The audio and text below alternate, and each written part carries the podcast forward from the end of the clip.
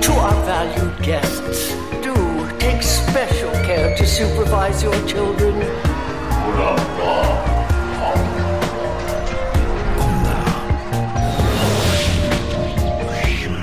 Het is weer ochtend in Pretparkland.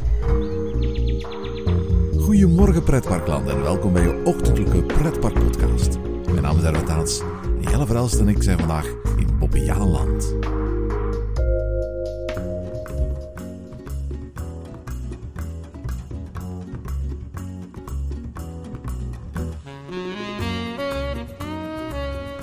Goedenavond Jelle. Goedenavond, Erwin. En ja, opnieuw goedenavond. Hè. Zeg, we mogen hier geen gewoonte van maken, hè, Jelle? Nee, we, zijn eh, binnen de week eigenlijk eh, afscheid aan het nemen van twee attracties. En we zijn ook twee keer s'avonds aan het opnemen, wat we ook normaal niet doen. Inderdaad, vorige week, jullie hebben het al gehoord, hebben afscheid genomen van het spookslot in de Efteling. Vandaag zijn we in Bobbejaanland om afscheid te nemen van de Indiana River.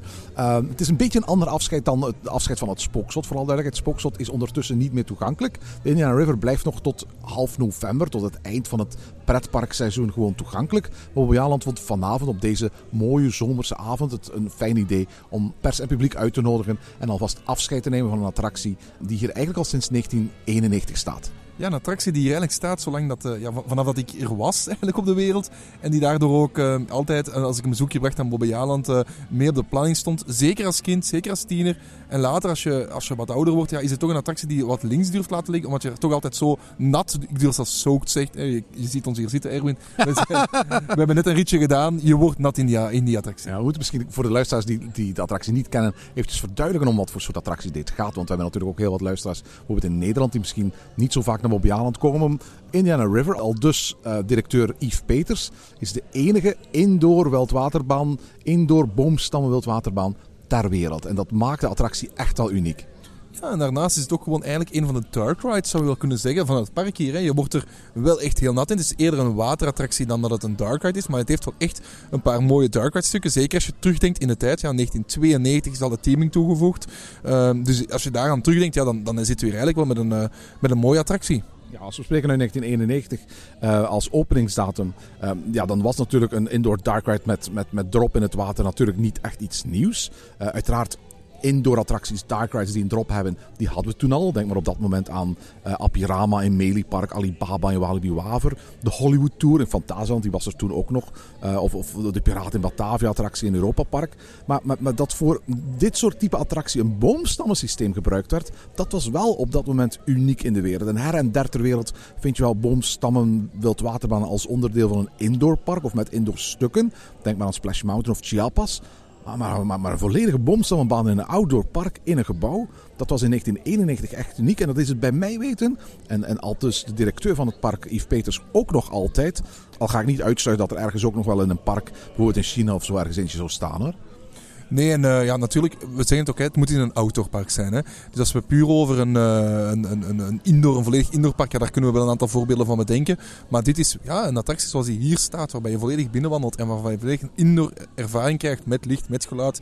Dat is echt wel uniek. En um, ja, die attractie heeft er toch lang gestaan en, en, en zal ook nog lang want we nemen afscheid, maar we nemen niet volledig afscheid ja, van we nemen afscheid van een attractie die de Indiana River heeft. En die dit thema heeft, daarover straks meer.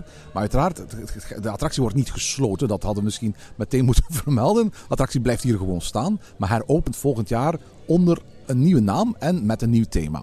Overigens is dat niet de enige waterattractie die volledig indoor staat hier in Bobbejaanland. Aan de andere kant van het meer, in de hal bij de Revolution, opende in 2008 de Banana Battle, een splash battle, volledig indoor. En bij mijn weten ook redelijk uniek om een splash battle, waar je toch ook altijd heel nat komt, volledig indoor te maken. Ja, het zijn, het zijn beide attracties waar je eigenlijk heel erg uh, nat in wordt. Zowel de Indiana River als de Banana Battle.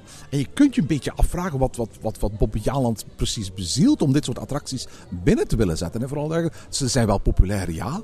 Maar als je die binnenzet, is dat in veel gevallen omdat je een indoor-attractie wil. Nu, indoor-attracties bouw je juist om, om mensen op dagen dat bijvoorbeeld de regen droog te houden. Maar natuurlijk, van, van de Splash Battle hier, de Banana Battle en zeker ook van de Indiana River. Kijk hoe we er hierbij zitten. Je komt er echt kletsnat uit. Waardoor volgens mij zelfs op de regenachtige dagen mensen deze attractie gewoon links zullen laten liggen. Maar dan zijn ze natuurlijk ook al nat, dus dan maakt het misschien minder uit. Misschien is dat ook wel de gedachte. Dit is wel zo, we zeggen dat nu wel, dat we daar twijfels bij hebben. En in, in het geval van Banana Battle zien we ook aan de wachtrij dat dit echt een, een attractie is die niet geliefd is in het park. Het is ook een attractie die ik op een bepaald moment nog wel eens ofwel zie weggaan, ofwel misschien bij een heel grote transformaties op een andere plek naar buiten zie verhuizen. Uh, maar, maar, Indiana River was eigenlijk sinds het begin echt een schot in de rozen. Dit is echt een van de attracties hier in Bobbejaanland waar altijd lange rijen staan. Hè? Ja, en wat we eigenlijk ook nog niet hebben verteld, is dat hier achter ons nog een waterbaan ligt. Nog, nog een boomstammenbaan ligt. Ja, maar niet indoor, hè? Nee, niet indoor. Maar grappig genoeg wel veel droger dan de Indiana River die indoor is. Want daar word je niet nat in. Maar daarmee maakt Bobbejaanland zich ook al een van de parken waar ook al heel lang ja, twee boomstammenbanen staan. Eén indoor en één outdoor. Ja, inderdaad. Die boomstammenbaan hier aan de ingang, de Wild Weather Splash, is geopend in 1980. 500 meter lang, 12 meter hoog van Intamin. En het is eigenlijk heel raar dat je beseft dat, dat, dat Bobbejaanland amper 11 jaar later een nieuwe Intamin uh, wildwaterbaan, boomstammenbaan koopt. Die, die dus korter en minder hoog is. Deze, de hoogste drop hier is maar 10 meter in plaats van 12 meter. Uh, en die indoor gaat plaatsen. Maar eigenlijk plaats je wel twee keer dezelfde attractie. Mijn ogen toont dat ook aan hoe eigenlijk het attractietype ondergeschikt is aan het thema dat je eraan geeft. Het feit dat je in een park op 200 meter van elkaar twee keer dezelfde attractie zet, maakt eigenlijk voor het publiek weinig of niks uit, omdat de beleving heel anders is bij Indiana River. Ja, het is ook zo dat het natuurlijk heel populaire attracties zijn. Hè. Overal in elk park waar je ooit komt, gaat de bromstammenrij in eender wat voor, voor weer. Maar meestal, hè, als je, zeker als je iets of wat geen regen hebt, is dat een van de langste wachtrijen van heel het park. En die hebben degelijke capaciteit, maar toch blijft het een van de langste wachtrijen te zijn. Dus misschien was het ook een idee van Bobbiane. Zag hij de populariteit hier van zijn wildwaterslide en zegt hij van kom, we gaan nog een tweede bomstammenbaan bouwen. Het is heel populair. Er zijn ook veel waterattracties in de loop der jaren in Bobbejaanland geweest. Dus ik denk dat dat gewoon een logische volgende was om die waterattracties te verhogen, dat wat duidelijk een lieveling was bij het publiek. Er speelt misschien nog wel iets anders. Ehm, we zien dat, dat, dat pretparken, zoals alles, heel erg trendgevoelig zijn. Er was een moment dat alle parken in één keer Halloween gingen organiseren. Er was een moment dat parken in één keer, en dat, dat geldt zeker voor het park waar we vandaag zijn, begonnen te experimenteren met, met VR in hun coasters. En een van die trends aan het begin van de jaren 90, dat was, en dat merk je ook als je daar, daar literatuur over op naslaat, als je de, de folders van die tijd op naslaat, all-weather bestemmingen. En dat heeft eigenlijk alles te maken met de zomers van 1987 en 1988. Die zomers waren totaal tegengesteld aan de zomer die we, die we afgelopen zomer hebben meegemaakt. De zomer van 2022 zal geboekstaafd worden als een van de allerdroogste zomers die we ooit gehad hebben. 1987 en 1988 waren twee jaar na elkaar de natste zomers in heel veel jaren. En ja, als het regent, dan komen mensen natuurlijk niet naar pretparken. Pretparken bij ons hebben traditioneel op dat moment, dus, dus eind jaren 80, begin jaren 90, een erg kort seizoen met weinig openingsdagen. Doorgaans zijn ze open van de paasvakantie in april tot ergens eind augustus en dan volgen nog enkele weekenden in september. Van Halloween is geen sprake, er zijn nog geen winteropenstellingen. Zelfs de herfstvakantie wordt op dat moment eigenlijk niet gerekend tot het uh, pretparkseizoen omdat we nu gewend zijn om ook in februari naar Disney of naar de Efteling te gaan, dan vinden we het eigenlijk maar normaal we ons ook best wel warm kunnen kleden om naar een pretpark te gaan. Maar dat was in die tijd totaal nog niet het geval. Eigenlijk ging je op dat moment niet naar een pretpark als er slecht weer voorspeld was. En een jaar met heel veel regen kon er dus gewoon voor zorgen dat dat een enorme financiële impact had op je, op je, op je boekhouding eh, dat jaar. Een gemiddeld park was in die tijd een dag of 100 à 120 open. Als de helft weggeregend werd, zoals in 1987 en 88, dan had je een probleem. Vandaar dat parken in die tijd op zoek gingen naar indoor attracties. Want ze wilden aan hun publiek kunnen, kunnen zeggen van, regen of geen regen, bij ons zit je altijd safe. Of in dit geval, bij ons word je altijd nat. in het geval van de Indiana River natuurlijk. Hè. Het was een trend die, die al even van de gang was. Hoor, maar versneld werd door die twee natte zomers. En ook de komst van Euro Disney. Dat jaar rond open ging zijn en heel veel indoor attracties had. Heel veel dark rides uh, zou presenteren. Zal in die tijd wel meegespeeld hebben. Ja, ik denk dat de Indiana River ook een beetje het, het, het antwoord was van Bobby Jaland op de komst van, Disney, van Disneyland. Waar ze zeggen van kijk, wij hebben ook een gethematiseerd gebied. We hebben ook een, een thema waar je naar kan komen. Een themabeleving die je kan beleven bij ons. Ik denk dat dat daar ook wel iets mee te maken heeft. Ja, je zag gelijktijdig in die tijd heel veel parken reageren op de komst van Disney. Ik bedoel, um, de Efteling presenteerde Droomvlucht als een soort van... wij kunnen ook Peter Pan bouwen, maar vele keren spectaculairder. Uh, Bellewaarde opende Los Piratas. Je hoeft niet naar Parijs te gaan voor een Piraten Dark Ride. Die kun je gewoon ook in Yper beleven. In Walibi Waver opende de Colorado, later de Calamity Mine voor Big Thunder Mountain hoefde je niet naar, naar, naar, naar Marne-la-Vallée. Je kon ook naar Waver gaan. En ook al is het zo dat er nog tot op de dag vandaag geen waterattractie staat in Disneyland Parijs, jammer genoeg zou ik bijna durven zeggen, moet je niet veel moeite doen om, om, om te denken dat uh, voor de Indiana River, voor een soort type dat, dat Indiana River was, Bobby Jan Schoepen echt wel gekeken heeft naar het voorbeeld van Splash Mountain in de Amerikaanse parken. Die op dat moment nog maar enkele jaren eerder open was gegaan. Ja, en ook een beetje die Adventureland, hè, die gebieden Adventureland, waar je vindt toch wel de sfeer die hier wordt opgeroepen met die grote inkabeelden, met die attractie die er binnenin zit. Dat is wel de, de Adventureland sfeer die wordt opgeroepen. En ik denk dat dat ook wel een beetje een antwoord is geweest, of dat dat ook wel meer heeft gespeeld in het idee van Bobbejaан Schoepen. Want de attractie is echt een idee uit de koker van Bobbejaans Schoepen. Ja, absoluut. Het zou onjuist zijn om te doen alsof op dat moment er geen indoor attracties in Bobbejaanland stonden. Uh, er waren op dat moment al behoorlijk wat uh, indoor attracties. Het Mystery Hotel was er in het Cowboydorp. Dat was een ja, spookachtige walkthrough. Melee Park had op dat moment een heel gelijkaardige attractie die de Spokengilde heette. Uh, je had er The Revolution, die was nog maar pas een paar jaar eerder geopend. Uh, je had de Astroliner, wat een soort van hele eenvoudige uh, science fiction simulator was aan de ingang van het park. Je had het Draaiende Huis, hè, de voorloper van de, de Madhouses die we later in alle parken om ons heen zouden zien komen. We hadden, we zitten hier eigenlijk er vlakbij, de El Paso Special. Dat zo'n beetje de eerste interactieve dark ride ter wereld was. Ik ken geen ouder voorbeeld van een interactieve dark ride als de El Paso Special hier in Bobbejaanland. En uiteraard had je die typische attracties die overdekt zijn en op die manier eigenlijk ook wel indoor mogen genoemd worden. Denk, maar aan de monorail. Dus ze hadden al indoor attracties. En daarom was er eigenlijk ook nog een andere reden volgens mij waarom hier deze attractie indoor werd gebouwd. En dat had te maken met een ander probleem waar Bobbejaanland mee zat. Dat is aan de andere kant van waar de Indiana River ligt, grenst het park aan een villa-wijk met behoorlijk grote en chique huizen met grote tuinen. Die het lawaai van een pretpark liever kwijt dan rijk waren in die tijd. En daarom was het park in de jaren 80 begonnen met een soort van attractiemuur. Een reeks van indoor attracties die een aaneensluitende rij moest vormen naast elkaar. Van de ingang tot helemaal de achterkant van het park zodat er eigenlijk geen geluid meer van in het park, in de tuinen van de, van, van de buurtbewoners zouden komen. En ze zouden tegelijkertijd als demper gaan dienen voor de geluiden die van verder uit het park kwamen voor de dagen dat de wind in de richting van die villa's zat. En tot op de dag van vandaag zie je dat dan op Jaanland. De hele noordzijde van het park is eigenlijk een aaneensluitende rij gebouwen. Hè. Beginnend bij het theater, gevolgd door het Cowboy- en Indianenmuseum. Toen waar nu het Yummy Halloween spookhuis in zit. Dan kwam er een snackpunt en een ijswinkel, een speelhal. Dan de El Paso Special waar we hierbij zitten. Gevolgd door een overdekte carousel en een horecagelegenheid. En daarnaast had je een treintje dat door twee tunnels ging. De Zilvermijn en de Time Tunnel. En ook die overkapping zorgde er eigenlijk voor dat helemaal tot aan het eind van het park...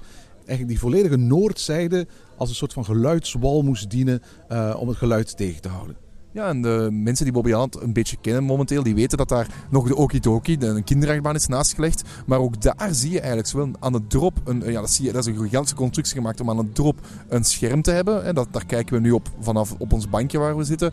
Maar ook achter. En dat, dat zie je niet in, in de zomer, want dan staan er groene bomen voor. Dan moet je al goed naar kijken. Maar er staat een metershoge muur. Bijna even hoog of zelfs hoger dan de Indiana River. Om het geluid van die okidoki tegen te houden van krijzende kinderen. Om dat niet naar de buren hun, huizen te krijgen. En je zei, ja, ik denk dat de buren het toen in die tijd niet zo leuk vonden om, om geluid te horen. Ik denk dat dat nog altijd het geval is. Hè. We weten dat Bobby Jaland het moeilijk heeft soms met zijn buren. En dat ze goed moeten opletten wat ze wil en wat ze niet bouwen. En op welke locaties zij uh, attracties bouwen in die tijd was de bouw een enorme investering. 300 miljoen Belgische frank heeft uh, Bobbejaans Schoep op dat moment geïnvesteerd. Uh, grosso modo omgerekend, en dan, dan moet je eventjes inflatie en zo uh, negeren, zou dat nu 7,5 miljoen kosten. Met inflatie spreken we natuurlijk over een attractie die waarschijnlijk op dit moment 20, 25 miljoen zou kosten mocht je die helemaal nieuw moet bouwen. Dus dit, is, dit was echt wel een waanzinnig grote operatie voor het park op dat moment. Zo duur dat ze eigenlijk de uiteindelijke oplevering in twee keer hebben moeten doen. Want we zeggen, ik zeg al de hele tijd um, dat Indiana River geopend is in 1991. We hebben een heel mooi fotoboekje als aandenken gekregen vanavond um, uh, over de Indiana River. En daar staat op de voorkant 1992-2022. Eigenlijk konden bezoekers al in 1991 deze attractie doen, hè Jelle? Ja, klopt. Maar toen was enkel het instapstation gethematiseerd en de rit zelf was eigenlijk gewoon in een donker gebouw. Dus ja, je moet je dus echt voorstellen, dus de, de, de, gewone stalen constructie van, van de Bomstam Wildwaterbaan, alsof je zo'n kermis Bomstam Wildwaterbaan zou hebben, die stond gewoon in een verder ongethematiseerde loods. Die kon je op dat moment al doen. Ja, maar het instalstation was uiteraard wel gethematiseerd. Dus daar hadden ze al een deel. En dan hebben ze daarna ja, die tunnels gebouwd en, en de, de scènes die je eigenlijk tijdens de rit ehm, langskomt. Want we hebben nog niets gehad over de rit. Misschien is het wel leuk om eens heel kort even die rit beschrijven. Misschien voor het over de rit hebben. Weet jij welke bekende Vlaming de eerste steen heeft gelegd voor deze attractie? Samen met uiteraard Bobby Schoepen, die op dat moment ook een bekende Vlaming was natuurlijk. Het is overigens iemand die we al als interviewgast in Ochtend in Pretparkant gehad hebben bij de opening van, ik geloof, uh, Maya-land in Plopsaland. Waar daar was hij toen ook te gast. Ja, nee, het was dus inderdaad de bekende keeper. En voor de mensen die het nog niet hebben, ik kan misschien mijn beste Duits bovenhalen om, om, om een tip te geven. De beste Bayern Münchens. Ja, het is inderdaad eh, Jean-Marie Pfaff die hiermee de eerste steen, of eigenlijk de eerste schub in de grond heeft gezet, de eerste spade in de grond heeft gezet um, om, om deze attractie te bouwen. Ja, in 1991 was de attractie dan klaar vanuit technisch standpunt. En daarna hebben ze die gethematiseerd. In 1992 vond dan de officiële opening plaats. Maar de Ritus Erwin, drie drops, dat is toch redelijk uniek voor een, voor een bomstammenbaan? Ja, een middelgrote drop, een hele kleine drop en dan een hele hoge drop. Ja, klopt. Hè? Dus je begint eigenlijk met, met een eerste niet zo'n een, een gemiddelde drop. Um, die je ook als je, als je naar het gebouw kijkt trouwens, ja, dan zie je eigenlijk dat in het midden van het gebouw ongeveer het gebouw hoger wordt. En daar zit eigenlijk die eerste drop in. En dus daar ga je eigenlijk een stukje hoger dan het, dan het standaardgebouw. En dat is eigenlijk ook de natste drop. Hè? Daar, daar drop je meteen eigenlijk vanuit de jungle waar je vertrekt. En aan de rechterkant staat die grote aap die met zijn banaan probeert op te eten. die, die, die, die animatronic van een aap. En daar, je neemt eigenlijk afscheid van de jungle en je splasht in de donkere, ja, in een donker gebied eigenlijk, zonder dat daar meteen iets staat. Hè? Ja, absoluut. En ben je ingestapt in een jungle thema, dan wordt op dat moment eigenlijk het eigenlijke thema duidelijk. Want je bent eigenlijk in een Aztekentempel terechtgekomen. En dat zou een thema zijn dat Bobbian Schoepen zelf gesuggereerd heeft. Schoepen moet dat thema trouwens in die tijd behoorlijk fijn gevonden hebben. Want ook de El Rio, helemaal aan de andere kant van het park, heeft een Aztekenthema. En er kwam enkele jaren later zelfs een rupsmolen naar het park die de Aztec Express heette. Uh, en Bobby heeft overigens lange tijd ook uh, plannen gehad voor een madhouse met Azteken thema. Dus de schoepers moeten echt wel dol geweest zijn op dat, uh, op dat thema. Nu, Meso-Amerikaanse beschaving waren in die tijd heel erg populair in pretparkland. Denk maar aan Los Piratas en nu de Huracan in Bellewaarde. de Piranha in de Efteling, later ook Chiapas en Talocan in Fantasieland. Maar we zijn dus erop afgegaan en komen terecht in het midden van een Aztekentempel. Ja, en ik weet nog dat ik als kind altijd dat een heel enge drop vond. Want je zag niet waar die eindigde. Je, je... Klopt, het is een volledige drop in het donker eigenlijk. Hè? Ja, en dan krijg je eigenlijk meteen, vanaf dat je eigenlijk het water van je af hebt geschud, zie je meteen die Aztekentempel op, opkomen. En dan ga je eigenlijk door een soort van grottenstelsel langs een aantal scènes waar ook een aantal, ja onheilspellende figuren op je staan te wachten tot je bij de volgende doop komt die omgeven staat eigenlijk door ja, Azteken uh, standbeelden. Ja, op een bepaald moment ga je zelfs door een soort van Maya-kalender. Er worden een aantal Meso-Amerikaanse culturen echt door elkaar gehaald die uh, omineus naar omlaag kwamen op het moment dat je er onderdoor uh, vaarde. Dat effect is al een tijdje niet meer werkend, maar dat was op dat moment uh, wel het geval. En op een bepaald moment kwam je ook langs laserstralen terecht. Ja, klopt, klopt, klopt. En die heb ik vandaag ook niet meer gezien. Dus nee, nee, nee, nee, absoluut. Volgens mij doen die het ook niet meer. Maar ik, ik, als ik denk aan de Indiana River, denk ik altijd aan twee dingen. Dat is die grote standbeelden die hier vlak voor de ingang staan. Maar ook de standbeelden, diezelfde soort standbeelden, die eigenlijk op de lifthill naar de laatste ja, drop gingen. De, de laatste uh, lifthill was ook echt wel de mooiste gethematiseerde. Waar je die grote standbeelden had staan, of nog altijd hebt staan. Waar je bovenaan, en dat hebben we vandaag ontdekt, vleermuizen hebt staan. Die wapperen met hun, uh, met hun ja, echt, echt een metonic vleermuizen hebt staan. En dan, als je helemaal boven komt, dan zie je de rotsen onheilspellend breken boven je hoofd. De rotsen schuiven nog een beetje, ze beginnen te bewegen. En dan splash je met een foto in, ja, terug in die inkomal, terug de jungle in. En dan kan je uitstappen. Wat mij altijd gaat bijblijven van, van uh, Indiana River, dat is de soundtrack. Uiteraard, mensen weten dat ik heel graag uh, naar, naar, filmmuziek luister. Hier werd nooit filmmuziek gebruikt. Maar in de beginjaren, pak ik de eerste 15, 20 jaar, speelde hier Adiemus van uh, Jenkins. Een uh, cult klassieker. En die voor mij altijd onlosmakelijk, als ik dat nummer hoor, verbonden zal blijven met de muziek van Indiana River. Ondertussen hebben ze die muziek veranderd door rechtenvrije muziek. Een beetje Enya-achtige song met wat meer ritme erin. maar voor mij betreft, als ik Adiemus van Jenkins hoor, dan, dan, dan denk ik meteen aan de Indiana River terug. Ja, het was vooral die, die, de scène, eigenlijk de scènes tussen de tweede en de derde drop waar die muziek speelde. Eigenlijk... Klopt, in het eerste deel was er vooral een mysterieuze sfeer. Hè? Ja, klopt. Hè. Dus, dus die muziek die, die kwam daarop. En uh, het was eigenlijk, als je die schattenkamer langs kwam met die dansende slangen, dat die muziek begon op te komen. En dat je eigenlijk, wanneer die lifthill richting hoe, ja, dat, ik kan me dat herinneren. Dat is echt ja, dat komt zo terug in je hoofd. Ja, absoluut. Zeg, Bobby Haaland heeft uh, best wel een fijn feestje georganiseerd vanavond om uh, de Indiana River uit te zwaaien. Uiteraard met een speech van de algemeen directeur en de creatief directeur van, van het park. Heel veel lekkere nachos en enchiladas, want uiteraard mee zo'n Mexicaans eten. We konden onbeperkt de Indiana River bezoeken. We hebben een aantal leuke gadgets gekregen, waaronder een, een speciale pin van Indiana River en een heel fraai fotoboekje met echt fantastische schetsen en foto's eigenlijk uit de volledige geschiedenis van de attractie. Maar de kers op de taart, dat was natuurlijk een backstage bezoek aan de attractie zelf. Hè? Ja, we komen net uit de attractie. Eigenlijk, um, we zijn nog altijd wat nat van, van toen we de rit deden, maar we hebben ook ja, de backstage gedaan. We zijn eigenlijk achter de schermen gaan kijken. We zijn tot in de, in de machinekamer geweest. We mochten geen foto's maken, dus je zult er weinig van zien verschijnen. Maar dit is tof, hè? Ja, ja. En, en we hadden eigenlijk in het begin van de dag ook al een sneak preview van die backstage gekregen. Hè? ja, we zijn alles uh, geëvacueerd uit de attractie. En dan kun je eigenlijk ook zien aan de ene kant in wat voor enorm groot gebouw Indiana River is ondergebracht. Uh, ongeveer één voetbalveld groot. Maar tegelijkertijd, hoe, hoe hout je touwtje, brik-brak die hele attractie in elkaar steekt, hè? Ja, en wat mij ook opvalt is, is hoe eigenlijk, ja, als je in die attractie zit, dat allemaal van die kleine gangen zijn. En je denkt van, ja, ik ga je door kleine gangen. Maar dan kom je achter die kleine gangen. Dat is echt gewoon een, een lege loods. Een, een gigantisch grote lege loods. Dus ik hoop, als ze daar die nieuwe thematisering gaan insteken, dat ze die ruimte ook veel meer gaan gebruiken. Het zal wel meer kosten als je zoveel ruimte wilt, wilt thematiseren naar een goed niveau. Maar je kan daar wel veel meer mee doen dan hetgeen wat het uh, nu is. Het is ook mooi nu, want nu, nu ben ik een beetje negatief aan het praten misschien over de attractie. Nee, nee, want de attractie is eigenlijk nog altijd in prima staat. Hoor. Er zijn een aantal effecten die het niet doen. Maar vooral duidelijk, als je eenmaal in de attractie zit, het, het, het, het uh, bouwlicht gaat uit en de effectenlichten gaan aan dan zou je nooit zien dat je echt letterlijk langs piepschuimrotsen en legernetten vaart. Dat laatste misschien wel, maar ik, ik ben een aantal, een aantal, keren met mijn handen aan de rotsen geweest. Het was gewoon uitgesneden en geverfd piepschuim. Hè? Ja, en, en ook de standbeelden en zo verder staan. Nu met de werkelijke erop zie je dat ze ouderwets en dat ze afgeleefd zijn. Dat ze aan vernieuwing toe zijn. Dat is, dat een paar van de animatronics. Ja, ze werken allemaal niet meer zo goed, maar dat ze echt kapot aan het gaan. Dat ze echt aan het rotten zijn gewoon. Maar dat zie je in het donker zeker en vast niet. En dat zie je niet als, op de manier hoe die verlicht waren. Voor, voor de beleving was dit best nog een oké attractie. Um, ga ik er spijt van hebben dat die... Dat die ik, we hebben het de vorige keer ook al gezegd. Hè. Ik heb geen spijt van dat, dat, dit, dat dit verdwijnt, dat dit een nieuw thema wordt. Ik, ik, ik, ik zie wel een vernieuwing hier zitten. Zeker omdat ze ook heel het gebied rondom rond de attractie gaan meenemen. Ben ik eigenlijk heel benieuwd naar wat ze hier allemaal gaan doen de komende winter. Ja, want voor alle duidelijkheid, misschien moeten we daarmee afsluiten. Indiana River gaat sluiten lang leven de Indiana River, hè, voor alle duidelijkheid.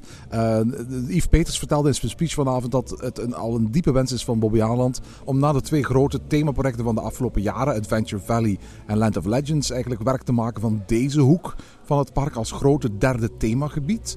Als ik het heb over hoek, dan heb ik het niet louter over de Indiana River als attractie, maar letterlijk het hele gebied uh, van de Okidoki tot en met de uh, uh, Wild Water Slide, dus de buitenboomstammenbaan. En dat is dus inclusief de El Paso Special. Die gaan de komende jaren gefaseerd, vernieuwd en getransformeerd worden.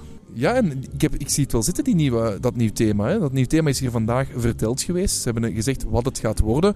Dat was nog een beetje raden wat het ging worden, want een aantal maanden geleden hebben ze drie thema's voorgesteld, Bobby Aland. En hebben ze eigenlijk aan hun bezoekers via social media gevraagd van welke attractie of hoe willen jullie het nieuw thema zien? Wat willen jullie zien dat Indiana River wordt? Er waren drie thema's. Eentje was een middeleeuws dorp waarbij eigenlijk de voorgevel volledig werd omgebouwd naar een middeleeuws thema. Een tweede was een, een soort van Scandinavisch dorp. Eigenlijk iets dat we nog niet vaak hebben gezien in pretparken. Um, wat mij heel leuk had geleken, omdat het een, andere insteek was. En de derde was hetgeen wat het ook uiteindelijk gaat worden. En volgens de directeur ook eigenlijk bijna unaniem op gestemd is geweest. Dus het moet, een, moet bijna een duiverwekkende overwinning zijn geweest. Dat was een grote vulkaan. Dus het gaat hier een vulkanisch gebied worden. Vulkanen in pretparkland, ik heb er geen goede oog op. Ik denk dat ik dat al eerder gezegd heb in een Grabbelton aflevering. De meeste vulkanen, ik heb het dan niet over Tokyo Disney Sea, waar ze letterlijk miljoenen konden, konden uh, pompen om uh, Mount Prometheus er zo echt mogelijk uit te laten zien. Maar de meeste vulkanen bij ons in pretparkland, denk maar aan die vulkaan aan de ingang van Area 51 in Moving Park Germany. Denk maar aan in eigen land de vulkanen uh, die gebouwd zijn in het Afrikaanse themagebied Land of Origins uh, in, in Paradise. Ook daar ben ik niet 100% blij met hoe die gerealiseerd zijn. Uh, en, zelfs de kleinere varianten, denk maar aan de vulkaan in het diorama van Symbolica. Ik, ik, ik ben daar nooit heel erg onder de indruk van. Ik ben heel benieuwd wat dit moet worden. Ja, ik ben ook heel benieuwd naar en hoe dat ze dat gaan vormgeven. Het is een heel groot rechthoekig gebouw, dus gaat dat hier in de hoek waar nu die Indiana River staat, waar de uitgang van Indiana River is, gaan ze daar die vulkaan op zetten en gaan ze aan de achterkant gewoon met rotsen bekleden. Wat gaan ze daarmee gaan doen, ik weet het niet. Ik, ik heb, we hebben nog heel weinig, we hebben één concept art ooit gezien, maar daar kon je weinig op aflezen. En hoe ze ook de rest van dit gebied daarin gaan mee betrekken. Want je hebt hier de um, El Paso Special, zoals je net zei, de Bob Express, de Wildwaterbaan. Hier staan toch nog wel heel veel attracties rondom rond, de Okidoki zelfs, als ze die nog mee willen betrekken. Hoe dat, dat allemaal mee naar thema gaat komen, het is een raadsel. Er is meer dan alleen maar een, um, een, vulkaan. Er is ook een heel verhaal voor geschreven met um, paranormale en buitenaardse motieven. Ik ben eens benieuwd wat dit zal eh, doen voor deze hoek van het park. Want het is wel een thema dat we in pretparkland nog niet kennen, maar dat ook een beetje uh, anders is dan als het ware de, de vooral op locaties gebaseerde themagebieden in de rest van het park hier. Maar als je het zo beschrijft, je zegt we kennen het niet in themaparken, maar ik, ik, ik hoor bijna de, de volledige beschrijving van Area 51. Ja, ja, ja, ja, ja de oude Bermuda-driehoek in Movie Park Germany. Wat ook een park is van de Parkes Reunidos. Dus we, ze kunnen gaan kijken als ze willen. Hè? Voor mij moeten ze daar niet te veel voorbeeld aan nemen aan die attractie. Het is oké zo. Ik vond, zo, ik vond dat een prima attractie. Maar ondanks de recente aanpassingen vertoont die attractie echt wel de tand des tijds. Nu moet ik wel zeggen, toen we net in die attractie waren. Het is op dit moment een rondrit langs en door heel veel uh, rotsen. In principe heb je eigenlijk al niet veel fantasie meer nodig om dat als een vulkanisch gebied te zien. Hè? Misschien gaan ze gewoon niets aan veranderen. Wel, misschien gaat een groot deel van de rotsen gewoon blijven staan waar ze zijn. Gaan ze die uiteraard brandveilig maken, opknappen, schilderen, etc. Hier en daar van wat lava-effecten of lava-projecties voorzien om dat vulkaanuitzaling te geven. Maar gaan we achteraf moeten toegeven uh, dat er meer is blijven overeind staan uh, dan we oorspronkelijk vermoed hadden het is maar een idee hoor. Vooral duidelijkheid, voor hetzelfde geld wordt alles erin geslopt. Gaan ze de attractie strippen tot je eigenlijk alleen maar de technische installatie van de boomstam en wildwaterbaan over hebt. En begint men volledig van nul opnieuw.